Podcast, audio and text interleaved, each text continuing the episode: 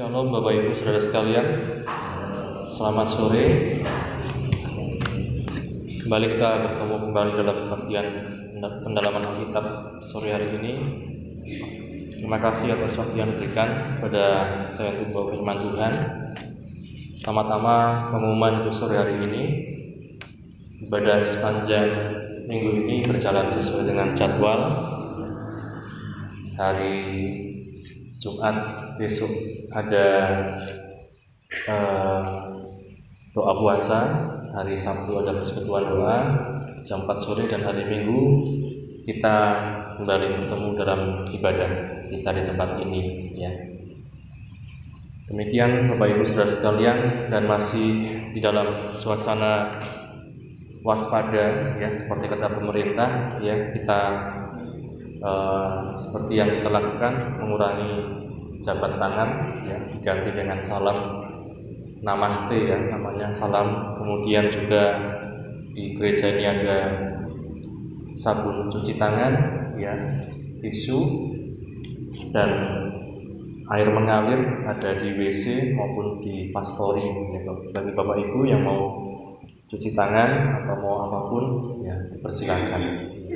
Demikian bapak ibu saudara sekalian pengumuman untuk eh, sore hari ini kita akan sama-sama lanjutkan ya pembelajaran kita dari firman Tuhan.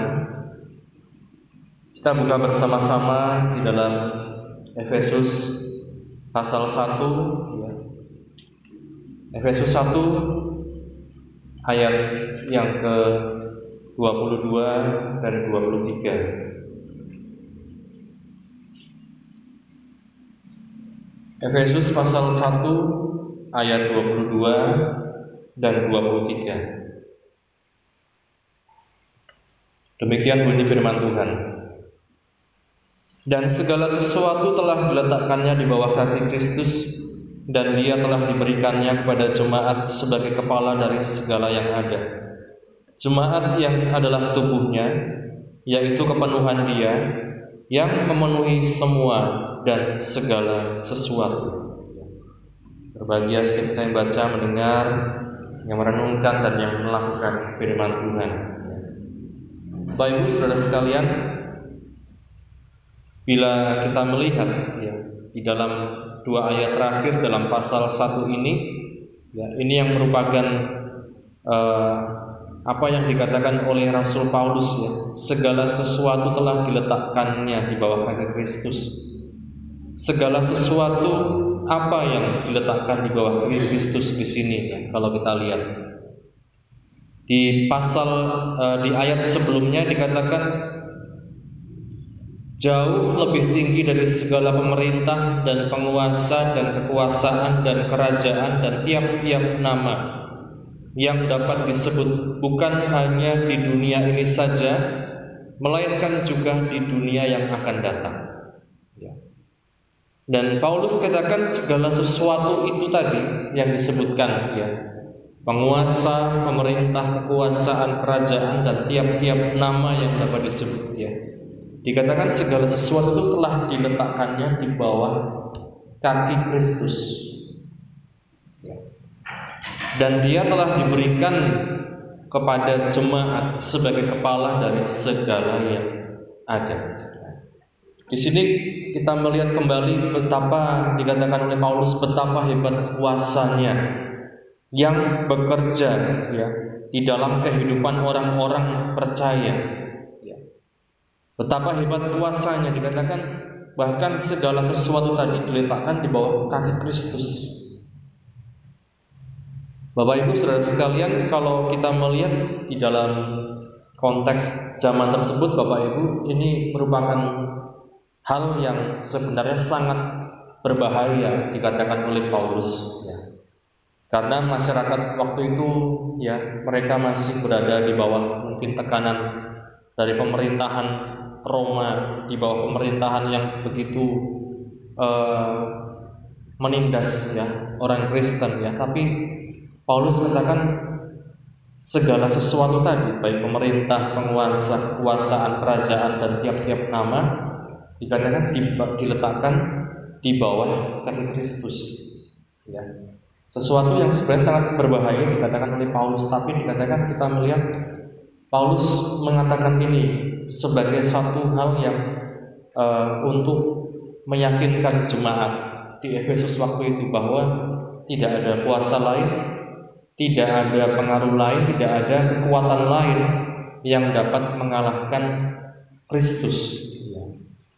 Dan dikatakan oleh Rasul Paulus tadi, segala sesuatu tadi diletakkannya di bawah Kristus dan dia telah diberikannya kepada jemaat sebagai kepala dari segala yang ada. Sebagai kepala dari segala yang ada. Ini Bapak Ibu Saudara sekalian, kembali kita melihat ya yang dikatakan di ayat 9 dari pasal 1 ya. Efesus 1 ayat 9 dan 10.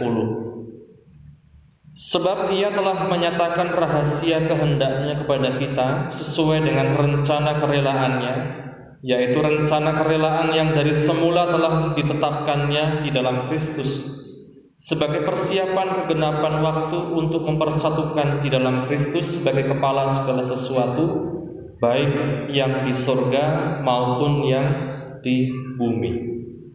Ini Bapak Ibu Saudara sekalian. Beberapa kali Paulus katakan Paulus menggambarkan Kristus itu kepala. Ya.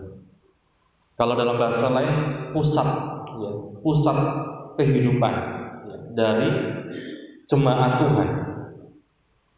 Kristus dijadikan kepala dari segala yang ada, diberikan kepada jemaat sebagai kepala dari segala yang ada. Jemaat yang adalah tubuhnya yaitu kepenuhan dia yang memenuhi semua dan segala sesuatu. Ya. Ini Bapak Ibu Saudara sekalian yang kita lihat kerinduan Rasul Paulus dikatakan untuk jemaat itu mengerti bahwa Kristus itu kepala. Ya. Untuk jemaat itu mengerti bahwa jemaat itu adalah tubuhnya yang dikatakan Paulus rindu agar jemaat juga mengalami kepenuhan Allah di dalam kehidupan. Ya, ini yang didoakan oleh Rasul Paulus di dalam Efesus pasal 3. Kita lihat Bapak Ibu Saudara sekalian. Efesus pasal 3 ayat yang ke-18 sampai ayat yang ke-19. Efesus pasal 3 ayat 18 sampai 19. Efesus 3 ayat 18 sampai 19. Aku berdoa supaya kamu bersama-sama dengan segala orang kudus dapat memahami betapa lebarnya dan panjangnya dan tingginya dan dalamnya kasih Kristus dan dapat mengenal kasih itu sekalipun ia melampaui segala pengetahuan. Aku berdoa supaya kamu dipenuhi di dalam seluruh kepenuhan Allah. Ya. Dikatakan oleh Rasul Paulus, apa yang Paulus doakan ya? Beberapa doa Rasul Paulus seperti yang kita lihat Bapak Ibu saudara sekalian di pasal 1 yang kita bahas dalam Kamis beberapa Kamis ini dikatakan doa Rasul Paulus agar jemaat itu dikaruniakan roh hikmat dan wahyu untuk mengenal Dia dengan benar dan supaya jemaat itu merasakan betapa hebat kuasanya yang bekerja dalam kehidupan orang percaya. Kemudian tadi Rasul Paulus juga berdoa dikatakan aku berdoa supaya setiap jemaat dapat memahami betapa panjang, lebar, tinggi dan dalamnya kasih Kristus ya. Dan dapat mengenal kasih itu sekalipun dia melampaui pengetahuan dan dikatakan dapat dipenuhi di dalam seluruh kepenuhan Allah. Ya. Ini Bapak Ibu sekalian kerinduan setiap hamba Tuhan, setiap orang percaya agar dikatakan kita bisa dipenuhi di dalam seluruh kepenuhan Allah. Ya. Apa yang dimaksud seluruh kepenuhan Allah di sini, Bapak Ibu saudara sekalian? Tentunya hal ini tidak dapat kita pisahkan dari pribadi Kristus Yesus sendiri. Ya. Satu ayat di dalam Kolose pasal 1 ayat yang ke-18 sampai ayat yang ke-19. Kolose pasal 1 ayat yang ke-18 sampai ayat yang ke-19. Kolose 1 ayat yang ke-18 sampai ayat yang ke-19. Demikian bunyi firman Tuhan ialah kepala tubuh yaitu jemaat. Ialah yang sulung yang pertama bangkit dari antara orang mati sehingga ia yang lebih utama dalam segala sesuatu karena seluruh kepenuhan Allah berkenan diam di dalam dia. Ini Bapak Ibu yang menjadi benang merahnya ya atau uh, penghubungnya Ya, kalau Paulus katakan aku berdoa supaya setiap jemaat Tuhan dipenuhi dengan seluruh kepenuhan Allah. Ya. Dan Paulus juga katakan pada jemaat di Kolose dikatakan seluruh kepenuhan Allah itu berkenan diam di dalam Kristus Yesus. Ya, Kristus Yesus. Jadi Bapak Ibu dikatakan kembali ialah kepala tubuh yaitu jemaat ialah yang sulung yang pertama bangkit dari antara orang mati sehingga ia yang lebih utama dalam segala sesuatu karena seluruh kepenuhan Allah berkenan dia di dalam dia. Jadi Bapak Ibu Saudara sekalian untuk kita dapat mengalami seluruh kepenuhan Allah itu kuncinya adalah bagaimana kita dapat beriman kepada Kristus Yesus dan kita menjadikan Kristus Yesus itu sebagai kepala di dalam kehidupan kita. Ya. Dikatakan oleh Paulus, Kristus Yesus itu dijadikan Allah sebagai kepala atas jemaatnya. Ya. Atas jemaatnya. Ya, dan ini Bapak Ibu Saudara sekalian sangat dalam maknanya dalam kehidupan kita. Ya. Bagaimana konsep kita dalam berjemaat, dalam kita memandang Kristus Yesus bagaimana dalam kita bergereja dikatakan apakah kita menjadikan Kristus Yesus itu sebagai kepala ya di dalam kehidupan kita dan kita adalah dikatakan sebagai tubuhnya ya. hari-hari belakangan ini kita melihat Bapak Ibu sudah sekalian baik kita sebagai masyarakat baik kita sebagai jemaat Tuhan baik kita sebagai gereja Tuhan diberikan satu pergumulan ya diizinkan Tuhan mengalami tantangan demi tantangan ya. tentang bagaimana kita melihat ibadah itu seperti apa bagaimana kita melihat gereja itu seperti apa ya. dalam hari-hari ini kita lihat Bapak Ibu tantangan kita adalah bagaimana kita tetap beriman meskipun mungkin kita tidak dalam satu kondisi yang uh, nyaman ya untuk beribadah ya karena ada mungkin ancaman dari virus dan lain-lain. Seringkali tanpa disadari Bapak Ibu sudah sekali kita menjadikan gereja gedungnya itu sebagai pusat ya. Bukan Kristusnya yang sebagai pusat tapi gedungnya ya. Sehingga ketika ada gereja-gereja di mana mereka harus tidak beribadah ya, orang-orang mulai banyak berbeda pendapat. Ya. Karena apa? Kita melihat di sini berbeda pendapat karena kita terbiasa, Bapak Ibu memandang gereja itu ya gedung. Ya. Tapi di sini kita lihat Bapak Ibu kalau apa Paulus katakan jemaat adalah tubuhnya, Kristus itu kepalanya. Bagaimana kita menjadikan Kristus itu sebagai pusat kepala, ya sehingga Bapak Ibu seperti jemaat mula-mula ya kita lihat mereka tidak ada satu bangunan, tidak ada satu gedung, tapi mereka disebut sebagai jemaat mula-mula. Karena apa? Mereka jadikan Kristus itu sebagai kepala dalam kehidupan mereka. Kita lihat Bapak Ibu dalam kisah para rasul pasal yang kedua. Kisah Rasul pasal yang kedua ayat 41 sampai 47.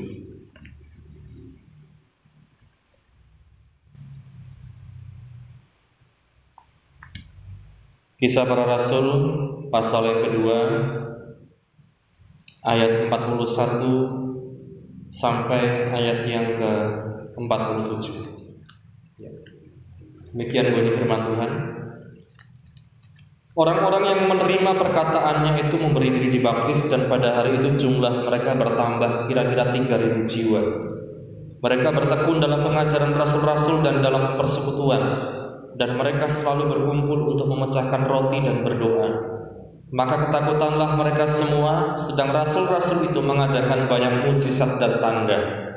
Dan semua orang yang telah menjadi percaya tetap bersatu dan segala kepunyaan mereka adalah kepunyaan bersama dan selalu ada dari mereka yang menjual harta miliknya lalu membagi-bagikannya kepada semua orang sesuai dengan keperluan masing-masing. Dengan bertekun dan dengan sehati mereka berkumpul tiap-tiap hari dalam bait Allah. Mereka memecahkan roti di rumah masing-masing secara bergilir dan makan bersama-sama dengan gembira dan dengan tulus hati sambil memuji Allah. Dan mereka disukai semua orang dan tiap-tiap hari Tuhan menambah menambah jumlah mereka dengan orang yang diselamatkan. Ini Bapak Ibu dikatakan oleh firman Tuhan. Bagaimana jemaat mula-mula ya, cara hidup jemaat yang pertama. Dikatakan mereka tidak dalam satu gedung ya, tidak dalam satu bangunan ya, tapi mereka dikatakan ada satu ketekunan dalam pengajaran, ada satu persekutuan. Mereka selalu berkumpul untuk memecahkan roti dan berdoa. Ya. Mereka semua orang yang telah menjadi percaya tetap bersatu, segala kepunyaan mereka kepunyaan bersama. Dan kita lihat mereka bertekun sehati berkumpul tiap-tiap hari ya dalam bait Allah ya. Mereka memecahkan roti di rumah masing-masing secara bergilir dan makan bersama-sama dengan gembira dan dengan tulus hati. Ya. Ada saatnya mereka di bait Allah dan ada saatnya dikatakan mereka berkumpul tiap-tiap hari dalam bait Allah. Mereka kemudian ada saatnya di rumah masing-masing, ya. Menjadikan kita melihat Bapak Ibu ibadah itu pusatnya adalah Tuhan. Ya. Bukan uh, pusatnya itu bangunan atau gedung, tapi menjadikan mereka itu sebagai gereja atau jemaat Tuhan di mana pun mereka berada. Ya. Ini Bapak Ibu saudara sekalian yang mungkin Tuhan ya kalau bisa dikatakan Tuhan izinkan terjadi dalam kehidupan kita sekalian saat-saat ini dan Tuhan izinkan terjadi juga dalam gereja Tuhan. Ya. Apakah orang masih akan tetap beriman? Apakah orang masih akan tetap beribadah kepada Tuhan? Walaupun tidak berada di dalam satu gedung, ya, dalam satu bangunan. Apakah mereka tetap menjadikan Kristus Yesus itu sebagai pusat? Ya. ya. Bahkan dikatakan oleh firman Tuhan, ketika mereka menjadikan Kristus itu sebagai pusat di mana pun mereka berada, dikatakan Tuhan menambah jumlah mereka dengan orang yang diselamatkan. Ya. Kita lihat di sini Bapak Ibu sudah sekalian Kembali kita merenungkan dalam kehidupan kita apakah Kristus itu menjadi kepala. Apakah Kristus itu yang menjadi kepala di dalam kehidupan kita? Ya. Ataukah kita mulai Bapak Ibu terjebak dalam satu rutinitas ya, terjebak dalam satu konsep di mana kalau eh, gereja itu ya tentang gedung, tentang bangunan. Ya. Karena ketika di kota-kota besar mungkin ibadah kemudian di online ya katanya ya. Eh, orang-orang banyak yang berbeda pendapat ya satu sama lain ya. Karena terbiasa dengan hal-hal seperti itu ya. Nah ini bapak ibu saudara sekalian seperti yang dikatakan oleh Paulus di dalam surat Efesus tadi bapak ibu kita sebagai jemaat Tuhan dijadikan sebagai tubuhnya dan Tuhan itu sebagai kepala Kristus Yesus itu sebagai kepala kalau Paulus katakan kita harus dikatakan merindukan untuk mengalami seluruh kepenuhan Allah di dalam hidup kita. Bukan hanya sebagian, tapi seluruh kepenuhan Allah. Dan itu yang dapat dikatakan kalau saya katakan sebagai pikiran dan perasaan Kristus di dalam kehidupan kita. Ya, sebagai jemaat Tuhan.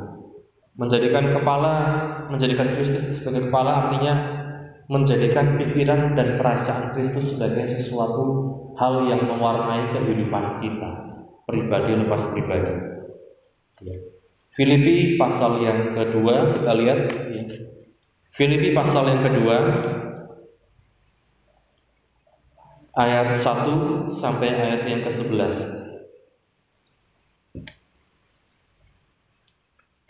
Filipi pasal yang kedua ayat yang pertama sampai ayat yang ke-11. Demikian bunyi firman Tuhan. Jadi karena dalam Kristus ada nasihat, ada penghiburan kasih, ada persekutuan roh, ada kasih mesra dan belas kasihan. Karena itu sempurnakanlah sukacitaku dengan ini. Hendaklah kamu sehati sepikir dalam satu kasih, satu jiwa, satu tujuan, dengan tidak mencari kepentingan sendiri atau puji-pujian yang sia-sia. Sebaliknya, hendaklah dengan rendah hati yang seorang menganggap yang lain lebih utama daripada dirinya sendiri. Dan janganlah tiap-tiap orang hanya memperhatikan kepentingannya sendiri, tetapi kepentingan orang lain juga. Hendaklah kamu dalam hidupmu bersama menaruh pikiran dan perasaan yang terdapat juga dalam Kristus Yesus, yang walaupun dalam rupa Allah tidak menganggap kesetaraan dengan Allah itu sebagai milik yang harus dipertahankan, melainkan telah mengosongkan dirinya sendiri dan mengambil rupa seorang hamba dan menjadi sama dengan manusia.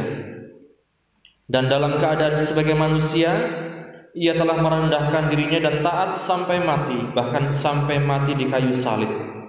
Itulah sebabnya Allah sangat meninggikan dia dan mengaruniakan kepadanya nama di atas segala nama, supaya dalam nama Yesus bertekuk lutut segala yang ada di langit dan yang ada di atas bumi dan yang ada di bawah bumi, dan segala lidah mengaku Yesus Kristus adalah Tuhan bagi kemuliaan Allah Bapa.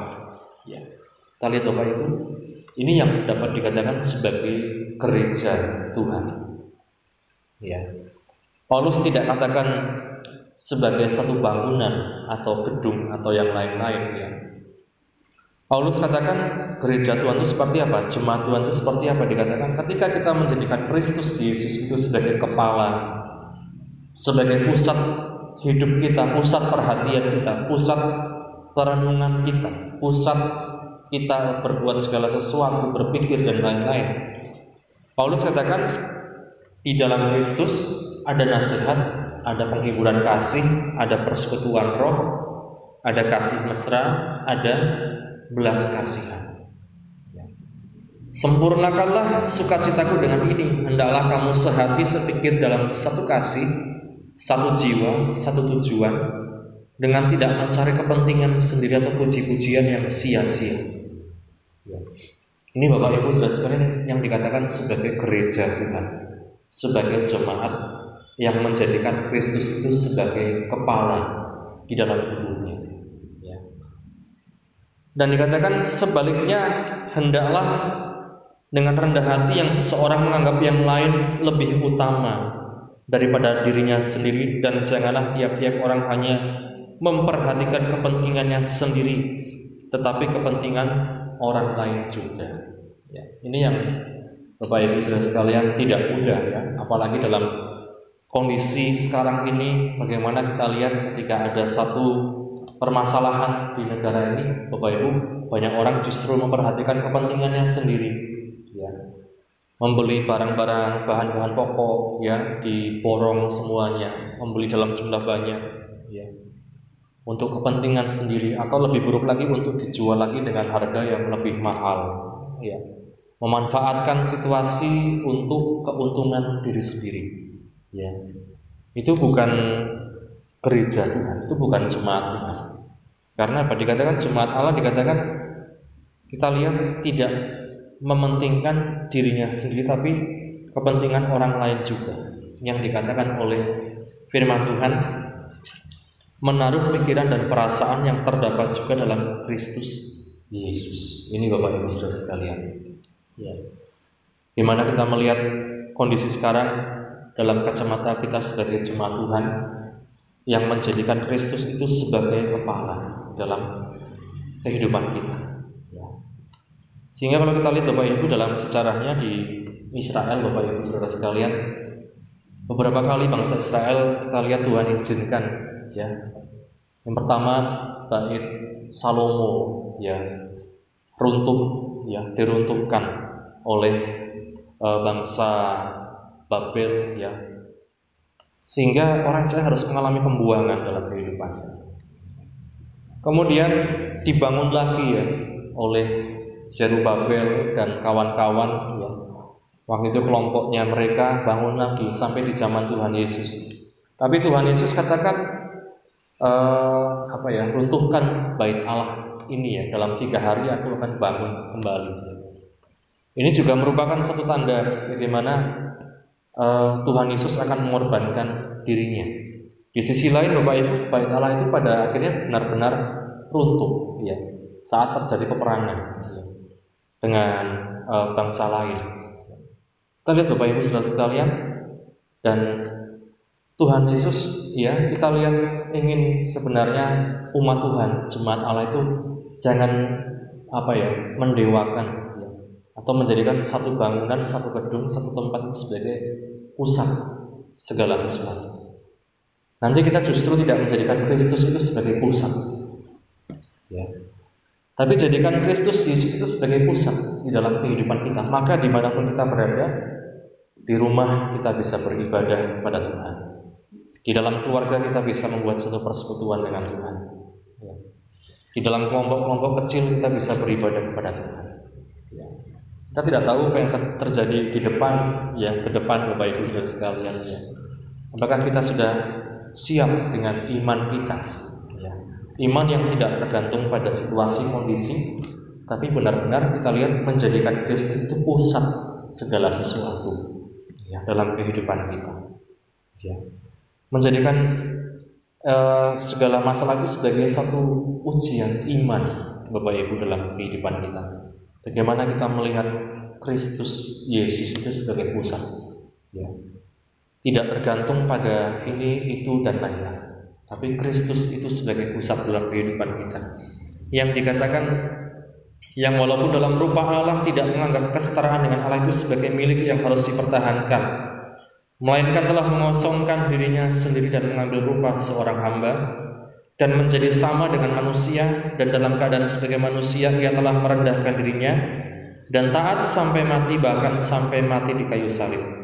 Itulah sebabnya Allah sangat meninggikan dia dan mengaruniakan kepadanya nama di atas segala nama supaya dalam nama Yesus bertemu lutut segala yang ada di langit dan yang ada di atas bumi dan yang ada di bawah bumi dan segala lidah mengaku Yesus Kristus adalah Tuhan bagi kemuliaan Allah Bapa kita. Ya. Ini Bapak Ibu Saudara sekalian. Endingnya nanti dikatakan supaya dalam nama Yesus bertemu lutut segala yang ada di langit, yang ada di atas bumi dan yang ada di bawah bumi dan segala lidah mengaku Yesus Kristus adalah Tuhan. Ya, itu terjadi kapan Bapak Ibu? Ketika kita sebagai gereja Tuhan, sebagai jemaat Tuhan dikatakan itu dapat menjadikan Yesus itu sebagai kepala pusat dalam kehidupan kita pribadi lepas pribadi. Ya. Jadi Bapak Ibu Saudara sekalian menjadikan Kristus sebagai pusat artinya kita tidak tergantung pada konsep-konsep sekarang tentang uh, gedung, tentang bangunan, ya tentang apa pun, tapi jadikan Kristus sebagai pusat dalam ibadah kita. Ya. Yang kedua adalah menjadikan Kristus Yesus itu sebagai pusat artinya menjadikan pikiran dan perasaan Kristus sebagai warna hidup kita. Tidak mengutamakan diri sendiri, tidak mencari keuntungan diri sendiri, tidak memperhatikan kepentingan sendiri tetapi juga kepentingan orang lain. Ya. Sehati, sepikir, satu kasih, satu jiwa, satu tujuan. Ya. Yang ketiga, Bapak Ibu Saudara sekalian, kalau kita belajar dari peristiwa pertobatan Rasul Paulus, ya, kita buka dalam kisah para Rasul pasal yang ke-9.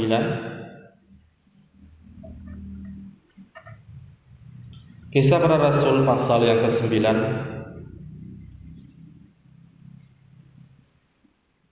ayat yang ketiga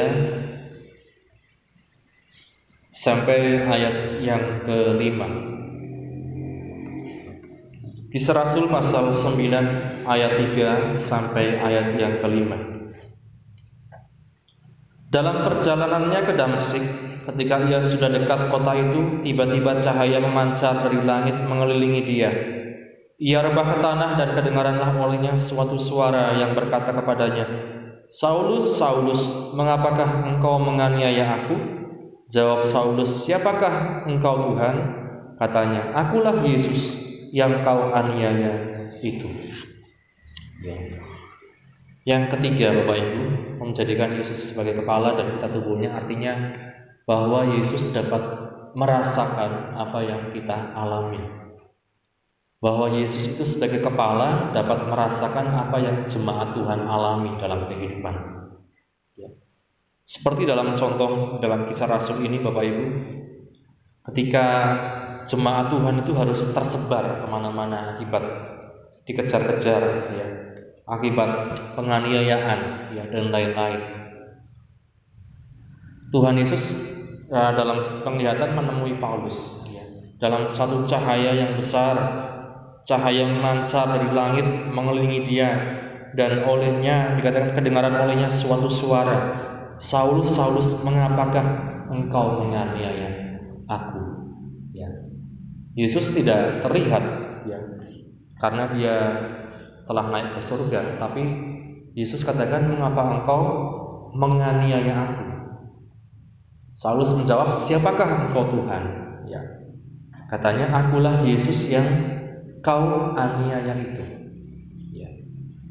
Jadi kita di sini melihat Bapak Ibu Saudara sekalian, Yesus kepala, jemaat tubuhnya. Seperti kalau kita mengalami sakit, ya, tertusuk, tergores, tangannya tergores, kepala memberi informasi, ya, mendapat informasi, kemudian mulut mengucapkan, aduh sakit, ya, nyambung bapak ibu sekalian tubuh dengan kepala. Tangan tergores, informasi dialirkan ke otak kepala, mulut mengucapkan, aduh sakit, ya. Ini artinya apa bapak ibu sekalian? Nyambung antara tubuh dan kepala.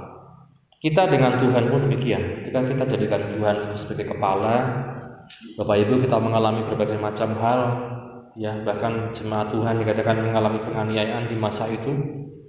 Mereka dikatakan mereka yang menganiaya itu berurusan dengan Yesus, ya berurusan dengan pribadi Kristus sendiri. Dan dikatakan oleh firman Tuhan, Yesus sebagai kepala, ia juga sebagai imam besar, yang dapat turut merasakan apa yang kita rasakan. Ya. Ia yang dapat turut merasakan apa yang kita rasakan. Ya. Entah itu yang baik, entah yang tidak baik. Ya. Dikatakan Kristus Yesus itu merasakan Bapak Ibu, apa yang kita rasakan. Ya. Jangan sampai kita berkata Tuhan tidak peduli pada saya. Tuhan tidak uh, peduli apa yang saya alami dan lain-lain. Kristus Yesus itu merasakan ya, dia sebagai imam besar, ia merasakan apa yang kita rasakan dia. Ayatnya kita melihat Bapak Ibu di dalam Ibrani. Ibrani kita lihat.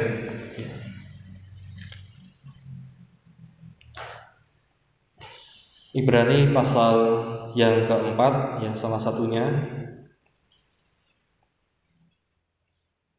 Ibrani pasal yang keempat ayat yang ke-14 Ibrani pasal yang keempat ayat yang ke-14 katakan karena kita sekarang punya imam besar agung yang telah melintasi semua langit yaitu Yesus anak Allah baiklah kita teguh berpegang pada pengakuan iman kita Sebab imam besar yang kita punya bukanlah imam besar yang tidak dapat merasakan kelemahan-kelemahan kita. Sebaliknya ia sama dengan kita, ia telah dicobai, hanya tidak berbuat dosa. Sebab itu marilah kita dengan penuh keberanian menghampiri tahta kasih karunia, supaya kita menerima rahmat dan menemukan kasih karunia untuk mendapat pertolongan kita pada waktunya. Kemudian di pasal yang kelima ayat yang ke-7 sampai ayat yang ke-10. Ibrani 5 ayat 7 sampai ayat yang ke-10 dikatakan dalam hidupnya sebagai manusia ia telah mempersembahkan doa dan permohonan dengan ratap tangis dan keluhan kepada Dia yang sanggup menyelamatkannya dari maut, dan karena kesalehannya ia telah didengarkan. Dan sekalipun ia adalah anak, ia telah belajar menjadi taat dari apa yang telah dideritanya. Dan sesudah ia mencapai kesempurnaannya, ia menjadi pokok keselamatan yang abadi bagi semua orang yang taat kepadanya. Dan ia dipanggil menjadi imam besar oleh Allah menurut peraturan Melkisedek. Ya. Jadi Bapak Ibu sudah sekali dikatakan ia dapat turut merasakan apa yang kita rasakan. Ya. Bahkan dikatakan ia dikatakan mempersembahkan doa permohonan tetap tangis keluhan kepada dia. Ya. Sekalipun ia anak, ia belajar menjadi taat dan dikatakan dia pun sekarang menjadi pendoa syafaat, ya, perantara bagi kita sekalian. Kristus Yesus Bapak Ibu sekalian. Dikatakan kita jadikan dia kepala, kita tubuhnya, ia dapat merasakan apa yang tubuhnya itu rasakan. Ya, kepala itu dapat merasakan apa yang tubuh rasakan. Yesus dapat merasakan apa yang jemaat Tuhan rasakan. Ya. Kembali ke pertanyaan awal tadi, apakah kita menjadikan Yesus itu sebagai kepala di dalam kehidupan kita? Bukan hal-hal yang lain, tapi Yesus Kristus Apakah kita jadikan dia sebagai kepala di dalam kehidupan kita? Beriman kepada Kristus bukan tergantung pada satu bangunan atau satu cara atau satu kegiatan ibadah, tapi kembali seperti yang firman Tuhan katakan satu saat kalau kita akan datang pada Tuhan kita bukan bawa merek gereja, kita bukan bawa hal-hal yang lain, kita bukan bawa apa yang sudah kita lakukan di dalam dunia ini, tetapi kita muka dengan muka, pribadi lepas pribadi. Apakah kita mengenal Tuhan, menjadikan Kristus itu sebagai kepala di dalam kehidupan kita? Ya. Seperti jemaat Tuhan tadi Bapak Ibu ada tantangan ya yang mereka alami ketika mereka harus beribadah kepada Tuhan. Ya. Banyak tantangan yang mereka alami, banyak hal yang mereka alami Bapak Ibu sekalian, tapi kita melihat pertolongan Tuhan dalam kehidupan jemaatnya. Ya. Salah satunya kita melihat dalam kisah Rasul pasal yang ke empat kisah para Rasul pasal yang keempat.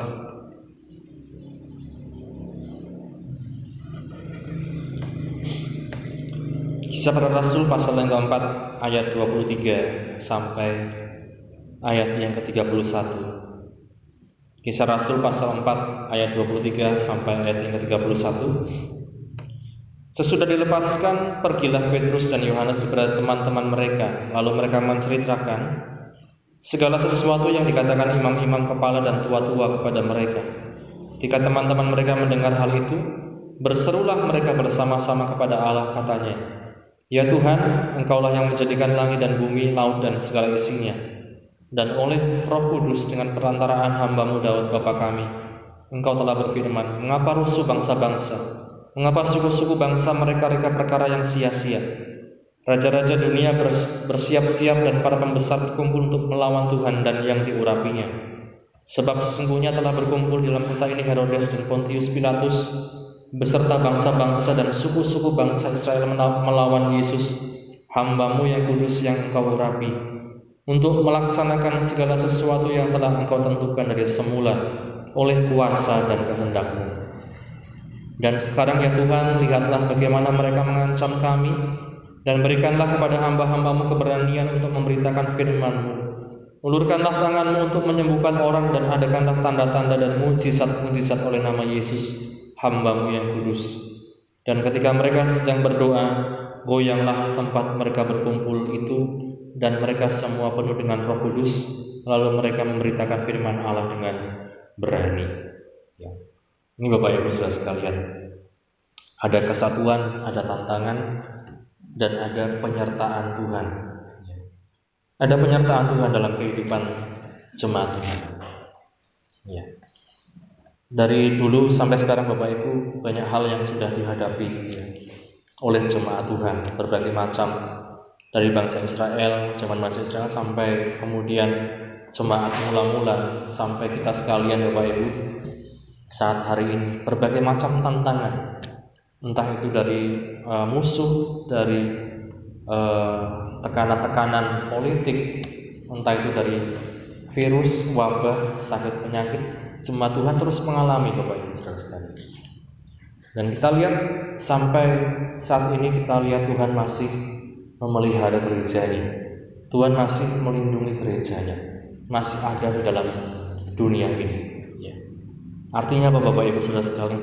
Jika kita menjadikan Kristus Yesus sebagai kepala Bapak Ibu, bisa ada masalah, tapi kita lihat selalu kita ingat kepada Tuhan pertama-tama.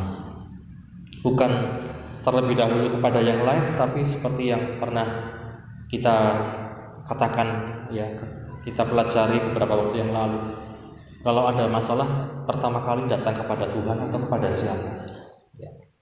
Jemaat mula-mula ini kita kan mereka jadikan Kristus Yesus sebagai kepala. Kita lihat ketika ada masalah, mereka pertama kali kita lihat Bapak Ibu berdoa, ya, berdoa. Ya. Jadi Bapak Ibu ketika menghadapi entah itu tekanan politik, ya, wabah, virus, sakit penyakit, pertama kali kita lihat ciri gereja Tuhan itu berdoa. Ya. Jika tidak di gereja, di rumah berdoa bersama-sama.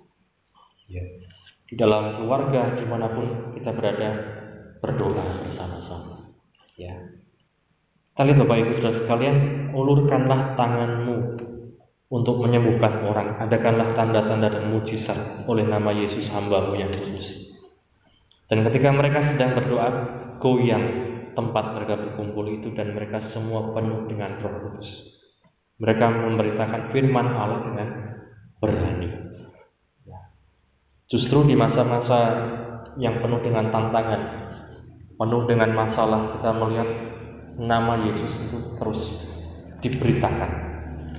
Nama Yesus itu terus dikatakan menjadi solusi, menjadi jalan keluar. Ya. Ini Bapak Ibu saudara sekalian, di dalam kehidupan jemaat Tuhan, ya, di masa itu mereka menghadapi tantangan, ancaman, masalah, ya, dan berbagai macam hal. Tapi kita lihat mereka selalu berdoa kepada Tuhan. Satu lagi kita lihat Bapak Ibu di dalam uh, kisah para rasul kembali di ayat pasal yang ke-12 kisah rasul pasal yang ke-12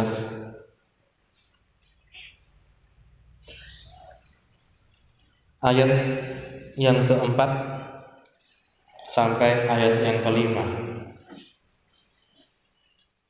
Kisah Rasul pasal 12 ayat 4 sampai ayat yang kelima. Setelah Petrus ditangkap, Herodes menyuruh memenjarakannya di bawah penjagaan empat regu, masing-masing terdiri dari empat prajurit. Maksudnya ialah supaya sehabis Paskah ia menghadapkannya ke depan orang banyak. Demikianlah Petrus ditahan di dalam penjara, tapi jemaat dengan tekun mendoakannya kepada Allah. Kita lihat kembali Bapak Ibu, ciri jemaat Tuhan itu berdoa. Ya. Ciri jemaat yang menjadikan Kristus sebagai kepala itu mereka mau berdoa kepada Tuhan. Ya. Dan kita lihat Bapak Ibu di sinilah bagaimana intervensi ilahi ya istilahnya campur tangan Tuhan dalam kehidupan jemaat Tuhan maupun dalam kehidupan suatu wilayah maupun dalam kehidupan satu bangsa itu bisa terjadi. Ya. Di ayat yang ke-11 Kisah Rasul 12 ayat yang ke-11 Dan setelah sadar akan dirinya Petrus berkata Sekarang taulah aku benar-benar bahwa Tuhan telah menyuruh malaikatnya dan menyelamatkannya menyelamatkan aku dari tangan Herodes dan dari segala sesuatu yang diharapkan orang Yahudi dan setelah berpikir sebentar, pergilah ia ke rumah Maria, ibu Yohanes yang disebut juga Markus. Di situ banyak orang berkumpul dan berdoa. Ya. Kita lihat Bapak Ibu sekalian, jemaat mula-mula tidak tergantung dari satu bangunan, gedung dan lain-lain. Mereka berdoa di satu rumah, berdoa bersama-sama. Jika ada masalah, jika ada sesuatu yang dihadapi.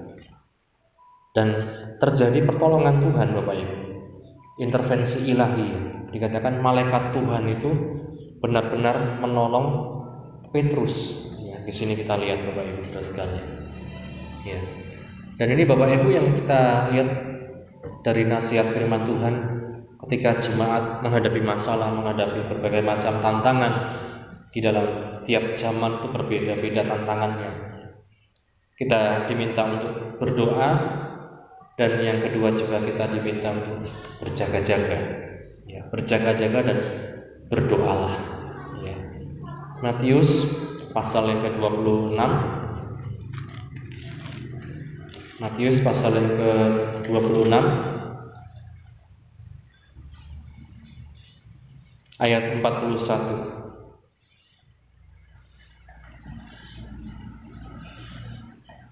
Matius pasal 26 ayat 41 demikian bunyi firman Tuhan Berjaga-jagalah dan berdoalah supaya kamu jangan jatuh ke dalam pencobaan roh memang penurut tapi daging lemah tidak hanya berdoa tapi dikatakan berjaga-jaga dan berdoalah.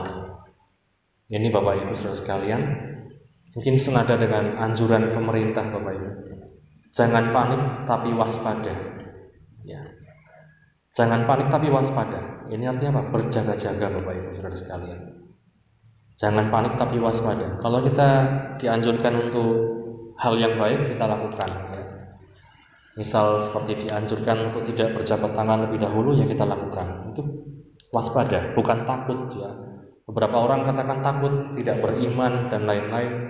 Ini bukan masalah beriman atau tidak, justru karena kita beriman kita berjaga-jaga. Ya. Kita taat kepada pemerintah, ya. Apa yang dianjurkan pemerintah kita lakukan. Ya. Itu waspada, berjaga-jaga. Iman itu tidak nekat, Bapak Ibu Saudara sekalian. Iman itu bukan kenekatan ya.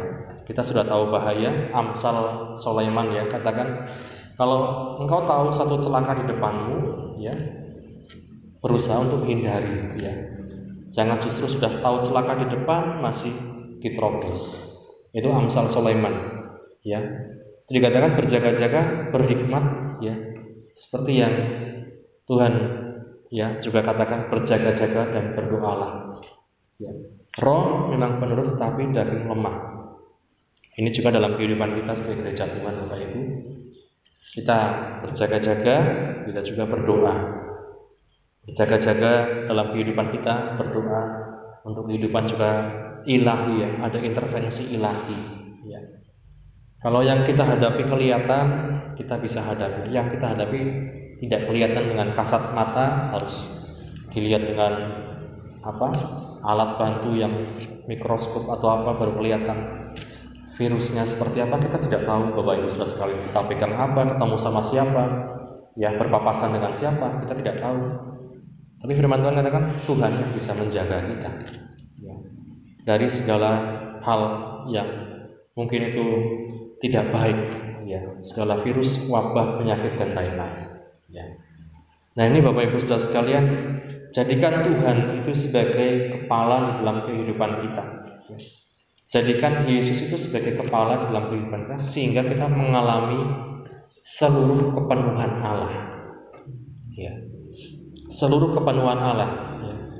Seperti yang dikatakan Paulus, nantinya dikatakan kalau kita terus bersama-sama dengan Tuhan, beriman kepada Tuhan, kita akan diubahkan semuanya diubahkan serupa dengan Kristus Yesus.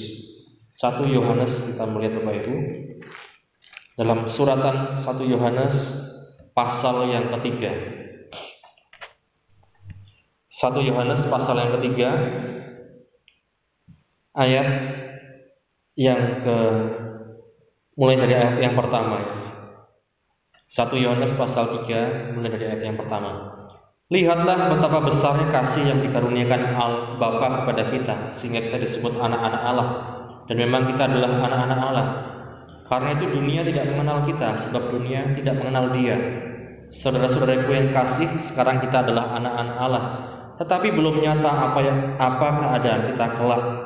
Akan tetapi kita tahu bahwa apabila Kristus menyatakan dirinya, kita akan menjadi sama seperti Dia sebab kita akan melihat Dia dalam keadaan yang sebenarnya.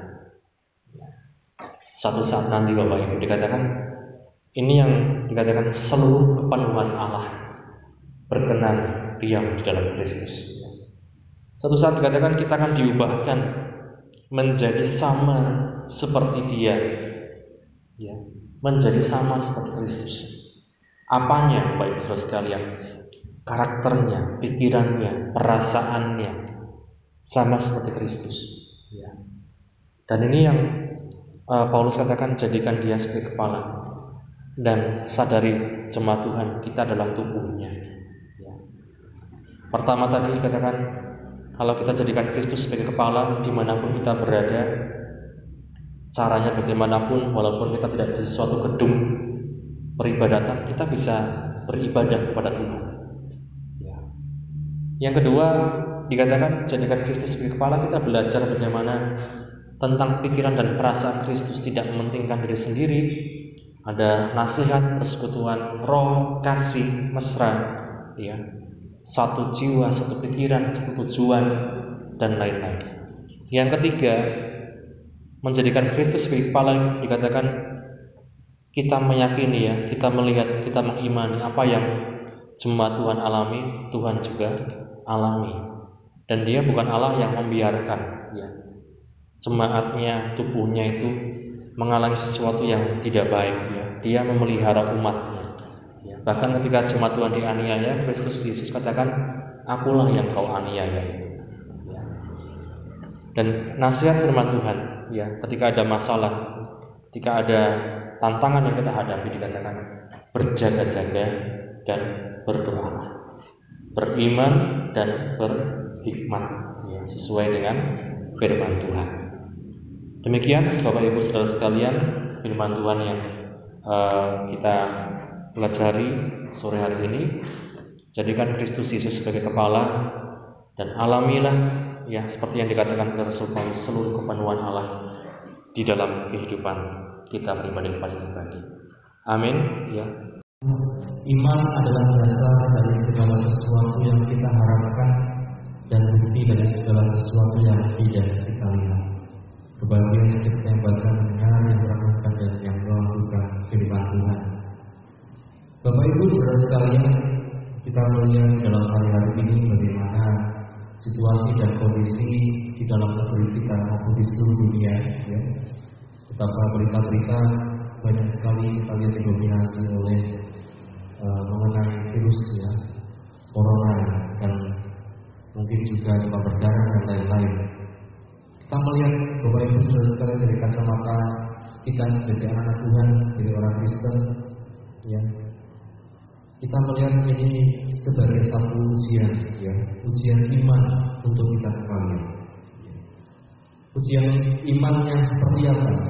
Kalau kita melihat di dalam uh, peringatan-peringatan, himbauan-himbauan, ada juga gereja-gereja yang kemudian beribadah dari rumah ya, dan lain-lain. Tapi Bapak itu iman yang seperti apa yang Tuhan inginkan dalam kehidupan kita. Kalau itu semua harus kita alami. Kita berada di tempat ini, kita bisa datang gereja, ya, bukan berarti kemudian kita lebih besar imannya ya, daripada yang lain. Tetapi apa yang penulis Ibrani katakan di sini dasar dari segala sesuatu yang kita harapkan dan bukti dari segala sesuatu yang tidak kita lihat. Seperti yang saya katakan dalam PA Kamis kemarin Bapak Ibu sering kali kita karena kebiasaan, karena sudah tradisi, ya iman kita tergantung pada satu ritual, iman kita tergantung pada satu acara, kebaktian iman kita tergantung pada satu bangunan. Bagaimana jika ini semua harus terjadi ketika kita harus beribadah yang dikatakan ibadah di rumah-rumah dan lain-lain? Apakah kita bisa merasakan iman yang kita yang terus bertumbuh? Apakah kita bisa merasakan Tuhan itu hadir di sini? Karenanya kalau saya lihat di sini ujian iman kita bukan tentang bagaimana karena kita berani untuk melakukan sesuatu, tetapi apakah di mana pun kita berada kita bisa menjadi orang-orang yang merasakan kehadiran Tuhan di situ. Itulah ujian iman, Bapak Ibu Saudara sekalian. Dan ini kalau kita melihat situasi kondisi membuat kita sebagai anak Tuhan hendaknya bukan malah bersantai ya bersantai ketika ibadah mungkin berkurang dan lain-lain tapi justru kita melihat di rumah pun Bapak Ibu saudara sekalian kita harus bisa melakukan ibadah kepada Tuhan ya.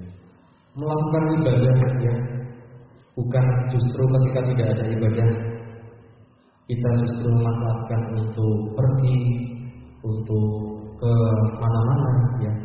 Tapi melakukan seperti yang kemarin katakan beribadah di rumah. Tingkatkan ya setiap doa kita, ibadah kita jika kita berada dalam keluarga ada yang memimpin ya untuk beribadah dan seperti yang firman Tuhan katakan bukti dari segala sesuatu yang tidak kita lihat Walaupun kita tidak melihat Tuhan secara kasat mata, walaupun kita tidak melihat orang lain, walaupun kita tidak melihat jemaat Tuhan yang lain, tapi kita bisa merasakan iman kita kepada Ibu Saudara sekalian yang terus tertuju kepada Tuhan. Ayat yang ke-6 dari Ibrani pasal 11 dikatakan, tetapi tanpa iman tidak mungkin orang berkenan kepada Allah. Sebab barang siapa berpaling kepada Allah, ia harus percaya bahwa Allah ada dan bahwa Allah memberi upah kepada orang yang sungguh-sungguh mencari Dia. Ya. Dikatakan tetapi tanpa iman tidak mungkin orang berkenan kepada Allah.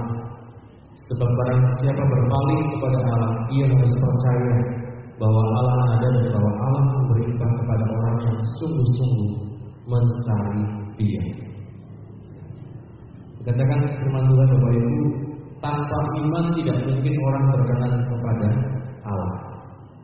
Kita datang ke gereja, kita beribadah kepada Tuhan, tanpa iman pun kita tidak berkenan kepada Tuhan. Tanpa iman seperti apa? Iman yang melihat kehadiran Tuhan, iman yang merasakan campur tangan Tuhan dalam kehidupan kita. Sebaliknya pun demikian, jika kita berada di mana pun Bapak Ibu dengan iman kita bisa merasakan Tuhan itu hadir di dalam rumah kita, dalam keluarga kita, di mana pun kita berada. Ya. Sebabnya ketika Tuhan Yesus bertemu dengan seorang perempuan Samaria, dia katakan, satu saat nanti orang tidak lagi menyembah di gunung ini, di gunung itu, di tempat ini, di tempat itu, tapi satu saat nanti orang dikatakan akan menyembah di dalam roh dan kebenaran. Tidak terlihat bangunannya seperti apa, tidak terlihat di gunung apa, Zaman sekarang Bapak Ibu Saudara sekalian ada orang mendewakan harus kalau orang Kristen itu harus ibadah itu di Israel ya harus menikah di Kana di Israel ya, lebih hebat ya. Tapi kita lihat zaman sekarang Bapak Ibu orang tidak bisa ke mana-mana ya.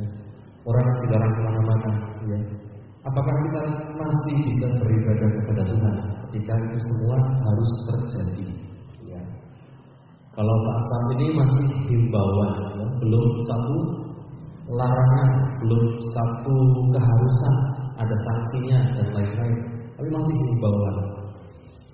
Dan karena masih sifatnya himbauan dan kita lihat Wonosobo belum ada yang positif ya kalau masih banyak yang ODP tapi belum positif, maka secara intern kita memutuskan besok tetap ada ibadah pagi, ya, walaupun kemudian tidak ada sekolah minggu dan tidak ada remaja.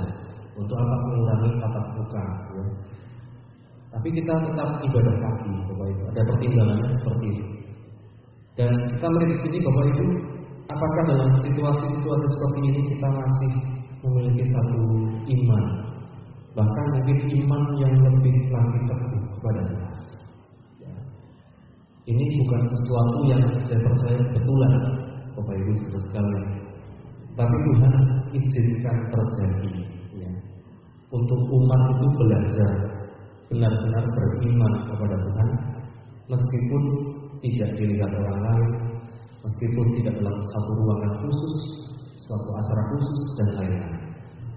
Ya. Kami dalam Yohanes ya, pasal yang keempat yang kita baca tadi, Yohanes pasal 4 ayat yang ke 23 sampai 24. Yohanes pasal 4 ayat 23 sampai 24. Demikian bunyi firman Tuhan. Tetapi saatnya akan datang dan sudah tiba sekarang bahwa penyembah-penyembah benar akan menyembah Bapa dalam roh dan kebenaran. Sebab Bapa menghendaki penyembah-penyembah demikian. Allah itu roh dan barang siapa menyembah dia harus menyembahnya dalam roh dan kebenaran. Ya, harus menyembahnya dalam roh dan kebenaran. Kalau kita pelajari bahwa itu roh itu bagian yang terdalam di dalam kehidupan manusia. Bagian yang tidak bisa terlihat, tetapi itu yang dikatakan diberikan Tuhan kepada setiap manusia sehingga manusia itu bisa hidup. Roh. Satu saat nanti dikatakan roh itu harus kembali kepada Bapa. Karena dikatakan dia adalah Bapa segala roh. Ya. Allah itu roh dan barang siapa menyembah dia harus menyembahnya dalam roh dan kebenaran.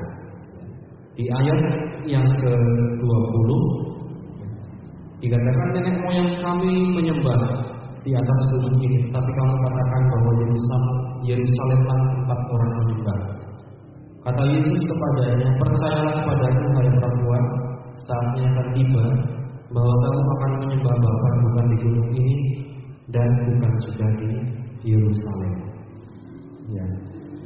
Dua tempat yang waktu itu bagi orang Israel dan orang Samaria itu sangat sakral, Bapak Ibu Saudara sekalian. Bagi orang Samaria ada satu gunung yang mereka harus menyembah di sana, baru itu dikatakan resmi menyembah. Bagi orang Israel dikatakan mereka harus ke Yerusalem untuk melakukan peribadatan, ya. Tapi di sini Tuhan Yesus katakan kepada perempuan ini, percayalah kepadaku, hai perempuan, saatnya akan tiba, saatnya akan tiba, bahwa kamu akan menyembah Bapa, bukan di gunung ini, bukan juga di Yerusalem. Kamu menyembah apa yang tidak kamu kenal, kamu menyembah apa yang kamu kenal, sebab keselamatan datang dari bangsa Yahudi. Tetapi saatnya akan datang dan sudah tiba sekarang penyembah-penyembah benar akan menyembah Bapa di dalam roh dan kebenaran sebab Bapa menghendaki penyembah-penyembah demikian. Ya. Jadi manusia terdiri dari kalau firman Tuhan katakan ada tubuh, ada jiwa, ada roh. Ya, ini roh yang paling dalam Bapak Ibu Saudara sekalian. Ketika kita menyembah Tuhan, katakan jangan hanya tubuh kita yang bergerak, ya. jangan hanya jiwa kita yang merasakan sesuatu, tapi sampai ke dalam sampai bagian paling dalam roh kita. Dan firman Tuhan di situlah dikatakan ada satu penyembahan yang berkenan kepada Tuhan. Ketika manusia itu menyembah di dalam roh dan kebenaran. Kebenaran juga berbicara tentang firman Tuhan. Ya. Firmanmu adalah kebenaran. Itu kata Tuhan Yesus ya dalam Yohanes pasal 17 ayat 17 ya. Yohanes 17 ayat 17 Yohanes 17 ayat 17 Kuduskanlah mereka dalam kebenaran. Firmanmu adalah kebenaran. Kuduskanlah mereka dalam kebenaran. Firmanmu adalah kebenaran. Ini Bapak Ibu yang kita lihat Ketika Tuhan Yesus berdoa untuk murid-muridnya. Dia katakan kepada anak Bapa di surga Kuduskanlah mereka dalam kebenaran.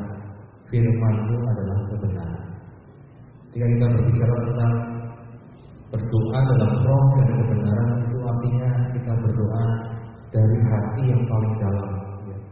Bukan sekedar apa yang tampak di luar Apa yang dilihat orang Tetapi benar-benar dari hati yang paling dalam Dikatakan kita memiliki satu sikap menyembah kepada Tuhan dan yang kedua dikatakan dalam kebenaran. Ya, sebab kita melihat orang bisa mengatakan menyembah dalam roh, tetapi sering kali lepas dari kebenaran, ya, menyimpang dari kebenaran.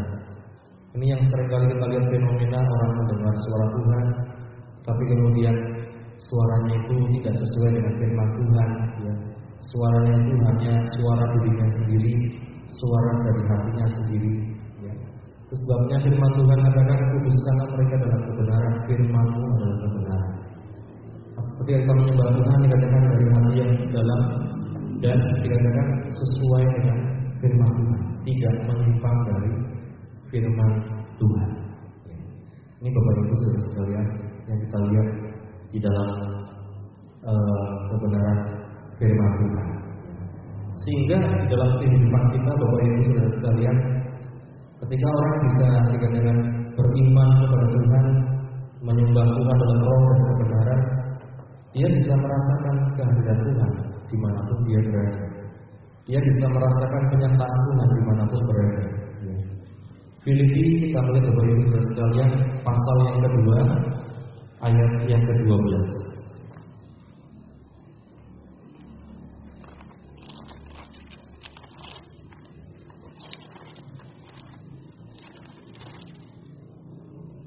Filipi pasal yang kedua ayat yang ke-12.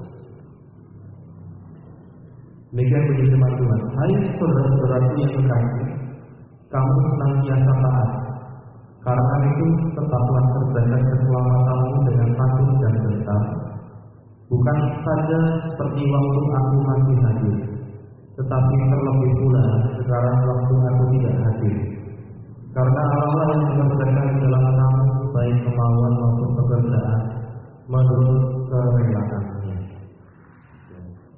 Memang Tuhan katakan kerjakanlah keselamatanmu dengan takut dan gentar, bukan saja seperti waktu aku masih hadir, tetapi terlebih pula sekarang waktu aku tidak hadir. Artinya apa Bapak Ibu? Ketika Paulus ada jemaat ini bisa melihat kehadiran Paulus ya. Jemaat ini kemudian bisa beribadah dengan khusyuk ya, dengan sungguh-sungguh. Tetapi seperti yang Paulus katakan, bagaimana jika Paulus ini tidak terlihat, tidak hadir, tidak ada? Ya. Apakah jemaat ini dikatakan masih bisa mengerjakan keselamatannya dengan takut dan gentar? Ya. Sama seperti ketika Paulus hadir. Ini Bapak Ibu dan sekali di sini sering kali kita melihat iman kita sering kali juga bisa tergantung pada kehadiran orang lain. Misalnya kita melihat ada hamba Tuhan, lalu kita kemudian bisa sungguh-sungguh datang kepada Tuhan. Kita melihat ada jemaat lain, baru kita bisa sungguh-sungguh memuji menyembah Tuhan. Bagaimana kalau kita pribadi lepas pribadi hanya satu orang bersaat teduh dengan Tuhan atau dengan keluarga kita mengadakan suatu peribadatan. Apakah kita masih kemudian mengerjakan dikatakan keselamatan ini dengan taat, dengan takut, dengan gentar? Sebab Allah yang dikatakan mengerjakan dalam kamu baik kemauan maupun pekerjaan menurut kerelaan. Ini Bapak Ibu sudah sekalian dikatakan oleh firman Tuhan, iman kita menjadi satu tolak ukur ya jika nantinya hari-hari ini mungkin iman kita diuji, Bapak Ibu Saudara sekalian. Diujinya bukan karena berani, ya, bukan karena berani keluar rumah, ya, kita dilarang keluar rumah, berani melakukan ini kita dilarang itu bukan ujian iman, Bapak Ibu Saudara. Ujian iman itu ketika kita bisa, apakah masih bisa merasakan Tuhan di mana pun kita berada. Apakah kita masih bisa beribadah kepada Tuhan di mana pun kita berada. Dalam hal ini kita melihat kasusnya masih dalam hal virus ya, dalam hal wabah penyakit. Bangsa-bangsa lain di masa-masa yang sukar kita melihat mereka harus kemudian karena tekanan ya, karena berbagai macam hal politis dan lain-lain kita harus sembunyi-sembunyi dalam ibadah dan lain-lain. Ya. Apakah mereka bisa juga uh, beriman yang sama pada Tuhan. Ya. Di masa-masa inilah kita melihat Ibu iman kita seharusnya justru semakin kuat ya, ditempa oleh berbagai macam hal. Ya. Yang selama ini kita terbiasa dengan satu kenyamanan, ya. tapi kemudian ada satu situasi, ya, pilihannya adalah kita akan semakin santai atau kita akan semakin sungguh-sungguh kepada Tuhan. Bagi orang yang tidak mengerti keselamatan yang sudah Tuhan berikan dalam hidupnya, seperti yang Paulus katakan, mereka justru ketika tidak hadir orang lain, ketika tidak terlihat hamba Tuhan, ketika tidak harus gereja, mereka justru melakukan hal-hal yang tidak baik. mereka menjadi tidak taat, mereka menjadi uh, menyepelekan, ya. Tetapi bagi orang-orang yang mengerti tentang keselamatan, mereka akan terus mengerjakan keselamatan dengan takut dan gentar. Bukan hanya waktu Paulus hadir, tapi kemudian lebih lagi dikatakan ketika Paulus tidak hadir, ya. mereka bisa melakukan itu semua. Iman, Bapak Ibu sekalian kembali seperti yang tadi terus kita katakan dasar dari segala sesuatu yang kita harapkan dan bukti dari segala sesuatu yang tidak kita lihat. Iman yang juga kita mewarnai kehidupan Paulus, mewarnai kehidupan para tokoh di dalam Alkitab, bagaimana mereka menghadapi berbagai macam hal, berbagai macam peristiwa, berbagai macam tantangan dan masalah, tapi mereka tidak terus berjalan di dalam iman, terus bersama dengan Tuhan. Nah ini Bapak Ibu dan sekalian, uh, kita melihat hari-hari ini ya, seperti yang Tuhan Yesus katakan, jangan sampai tanda alam kita tahu, tapi tanda zaman kita tidak membaca ya, di dalam uh, Matius ya Matius.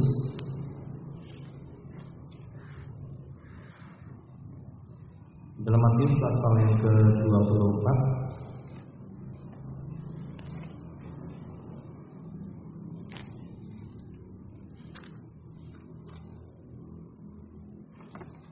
Matius pasal 24 kalau kita lihat nasihat supaya berjaga-jaga ya. Ayat 37 Matius pasal 24 ayat 37 Sebab sebagaimana halnya pada zaman Nuh, demikian pula halnya kelak pada kedatangan anak manusia. Sebab sebagaimana mereka pada zaman sebelum air bah itu makan dan minum, kawin dan mengawinkan sampai pada hari Nuh masuk ke dalam bahtera. Dan mereka tidak tahu akan sesuatu sebelum air bah itu datang dan melenyapkan mereka semua. Demikian pula kelak halnya kelak pada kedatangan anak manusia. Pada waktu itu kalau ada dua orang di ladang yang seorang akan dibawa dan yang lain akan ditinggalkan. Kalau ada dua orang perempuan sedang memutar batu bilangan, yang seorang akan dibawa dan yang lain akan ditinggalkan. Karena itu berjaga-jagalah, sebab kamu tidak tahu pada hari mana Tuhan datang. Tapi ketahuilah ini, jika tuan rumah tahu pada waktu mana pada malam hari pencuri akan datang, sudahlah pasti ia berjaga-jaga dan tidak akan membiarkan rumahnya dibongkar. Sebab itu hendaklah kamu siap sedia karena anak manusia datang pada saat yang tidak kamu duga. Berbicara tentang kedatangan Tuhan, ya, tentang dikatakan anak manusia datang, ya. Firman Tuhan menasihatkan sejak zaman Tuhan Yesus sampai sekarang, dikatakan berjaga-jaga. Berjaga-jagalah sebab apa dikatakan kita tidak tahu, ya kapan waktu, kapan saatnya ya. Meskipun banyak mungkin banyak peristiwa dan lain-lain Bapak Ibu menjadi tanda-tanda tetapi kita tidak tahu secara pasti kapan waktunya dan saatnya akan datang. Apa yang dinasihatkan di sini oleh firman Tuhan yang adalah berjaga-jagalah. Jangan sampai dikatakan seperti pada zaman Nuh. Demikian pula halnya kelak pada kedatangan anak manusia. Makan, minum, kawin mengawinkan ya, tanpa sadar sudah tiba harinya Nuh itu harus masuk ke dalam bahtera sama seperti khotbah minggu lalu Saudara sekalian bahtera di dalam zaman Nuh menyelamatkan delapan orang ya, bersama dengan hewan-hewan sekarang kita mau dalam perjanjian baru Tuhan Yesus katakan oleh karena kasih Allah karena begitu besar kasih Allah akan dunia ini sehingga yang menurunkan anak yang tunggal untuk kita sekalian mendapat hidup yang kekal tidak binasa. Dan kemudian dikatakan barang siapa percaya padanya akan mendapat hidup yang kekal. Barang siapa tidak percaya, ia sudah mendapatkan hukumannya. Masalahnya seperti zaman Bapak Ibu dan sekalian sering kali ada undangan dari bahtera keselamatan ini untuk kita masuk. Tetapi sering kali kita masih menunda waktu atau bisa dikatakan ada undangan untuk sungguh-sungguh datang kepada Tuhan, sungguh-sungguh mengikut Tuhan, sungguh-sungguh berkenan kepada Tuhan, tapi kita masih terbawa arus dunia. Makan, minum, kawin-kawinkan, dan menikmati hidup ini sampai pada hari dikatakan lu masuk ke dalam bangsa. Kita tidak sadar hari ini sudah tiba. Tidak ada yang kebetulan ya dalam kehidupan ini, Bapak Ibu saudara sekalian. Setiap peristiwa ketetapan Tuhan, ya, setiap apa yang terjadi Tuhan sudah perhitungkan dalam ketepatan waktunya. Tuhan sudah perhitungkan kapan terjadi terjadi dan tinggal bagaimana kita sebagai anak Tuhan dikatakan menyikapi dengan bijak, menyikapi dengan hikmat yang dari Tuhan. Menyikapi bukan dengan iman yang nekat, tetapi dengan iman yang berhikmat pada Tuhan. Ya. Seperti yang tadi dikatakan, jika ada uh, hal-hal seperti ini, mari kita lebih lebih sungguh-sungguh iman kita datang kepada Tuhan, masuk ke dalam bahtera bawah, kemudian juga keluarga kita masuk ke dalam bahtera keselamatan di dalam Kristus Yesus. Jangan sampai seperti kata firman Tuhan, waktu memang sudah mau berangkat, kita masih nggak sadar. Orang-orang itu masih nggak sadar. Tak tahu pintu bahtera sudah tutup, hujan sudah tiba, sampai kemudian air berdatang. Orang-orang tidak sadar. Ini Bapak Ibu sekalian, firman Tuhan berjaga-jaga sebab apa yang kita tidak tahu itu hanya Tuhan yang tahu. Contohnya apa? Waktu. Contohnya waktu. Kita tidak tahu saatnya. Kita tidak, tidak tahu anak manusia datang pada saat kapan. Tapi dikatakan kita kita berjaga-jaga tiap-tiap hari. Ya. Berjaga tiap-tiap waktu dalam Tuhan maka dikatakan akan kita akan siap menghadapi segala sesuatu. Kita akan siap menghadapi segala keadaan. Ya.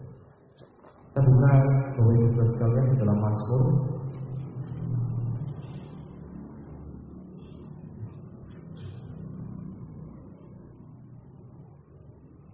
Mazmur pasal yang ke-36.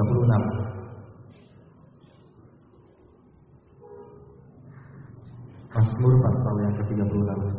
Mulai dari ayat yang ke-6 Mazmur pasal 36 mulai ayat yang ke-6 dikatakan Ya Tuhan, kasihmu sampai ke langit, setiamu sampai ke awan. Keadilanmu adalah seperti gunung-gunung Allah. Hukummu bagikan samudera yang hebat. Manusia dan hewan kau selamatkan ya Tuhan. Betapa berharganya kasih setiamu ya Allah. Anak-anak manusia berlindung dalam naungan sayapmu. Mereka mengingatkan dirinya dengan lemak di rumahmu.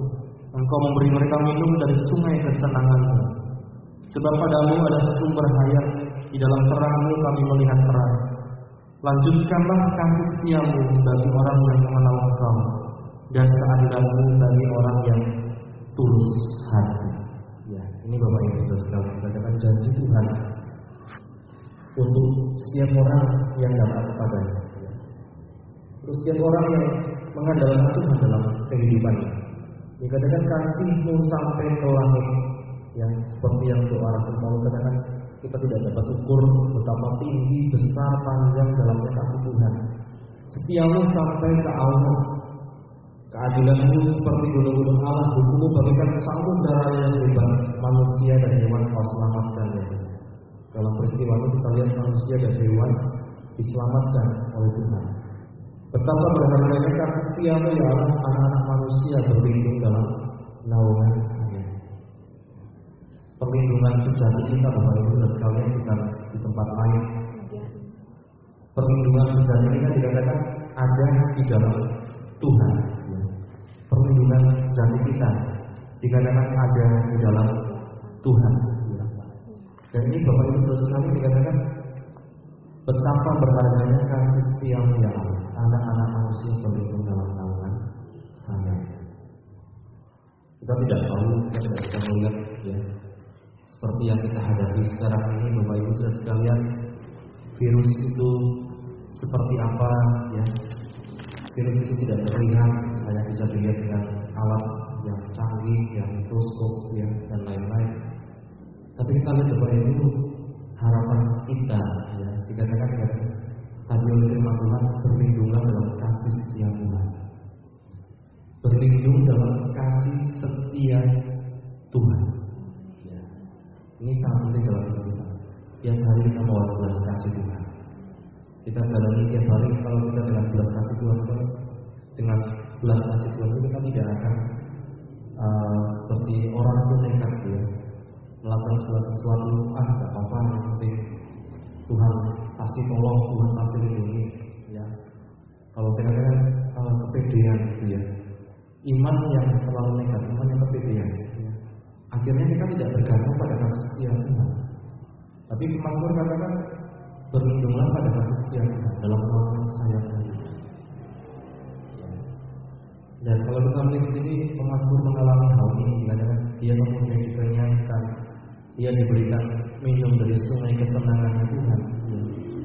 Dia dikatakan mengalami kehidupan, ya, ada sumber hayat, sumber kehidupan, ada terang. Dan kasih setia itu dikatakan terus berlanjut bagi orang yang mengenal Tuhan. Dan ini bapak itu yang kita butuhkan hari-hari ini.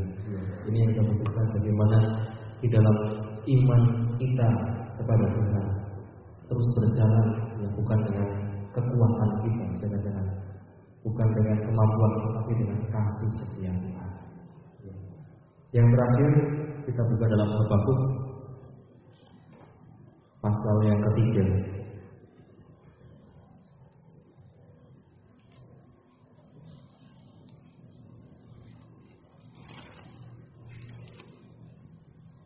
Habakuk pasal 3 mulai dari ayat 1 sampai yang ke-6. Ya, Habakuk pasal 3 mulai dari ayat 1 sampai ayat yang ke-6 demikian bunyi firman Tuhan. Doa Nabi Habakuk menurut nada ratapan Tuhan telah ku dengar kabar tentang engkau dan pekerjaanmu yang Tuhan ketakuti. Hidupkanlah itu dalam lintasan tahun, nyatakanlah itu dalam lintasan tahun.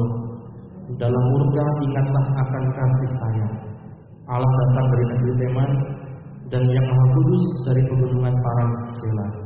Keagungannya menutupi segelap langit dan bumi pun penuh dengan pujian kepadanya. Ada kilauan seperti cahaya, sinar cahaya dari sisinya, dan di situlah terselubung kekuatannya. Mendahuluinya berjalan penyakit sampar dan demam mengikuti jejaknya. Ia berdiri maka bumi dibuatnya bergoyang yang melihat berkeliling, maka bangsa-bangsa dibuatnya melompat terkejut. Hancur gunung-gunung yang ada sejak purba, merendah bukit-bukit yang berabad-abad.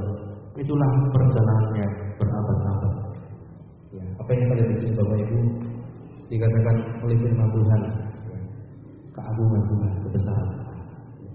Apa yang terjadi sekarang hendaknya menyadarkan kita bahwa kita ini manusia dan Dia itu Tuhan. Seringkali kita lupa ya. Sekali Tuhan izinkan terjadi sesuatu, manusia bisa berbuat apa. Bahkan dikatakan tadi mendahulunya berjalan penyakit sampah, demam mengikuti jejaknya. Ya. Mengikuti apa? Ada tanda-tanda nanti kedatangan Tuhan kembali selesai. Kita nggak tahu saatnya kapan. Ya. Tapi mendahulunya dikatakan ada penyakit sampah, ada demam mengikuti jejaknya. Dan ini yang membuat kita Bapak Ibu seperti kata pemerintah ya, tidak panik tetapi waspada titik tengah tidak panik tapi waspada itu yang tidak berjaga-jaga ya. karena bapak ibu sekalian yang tiada kemampuan pada saudara yang sekalian semakin berharap dan berhasil Amin. Dan kembali.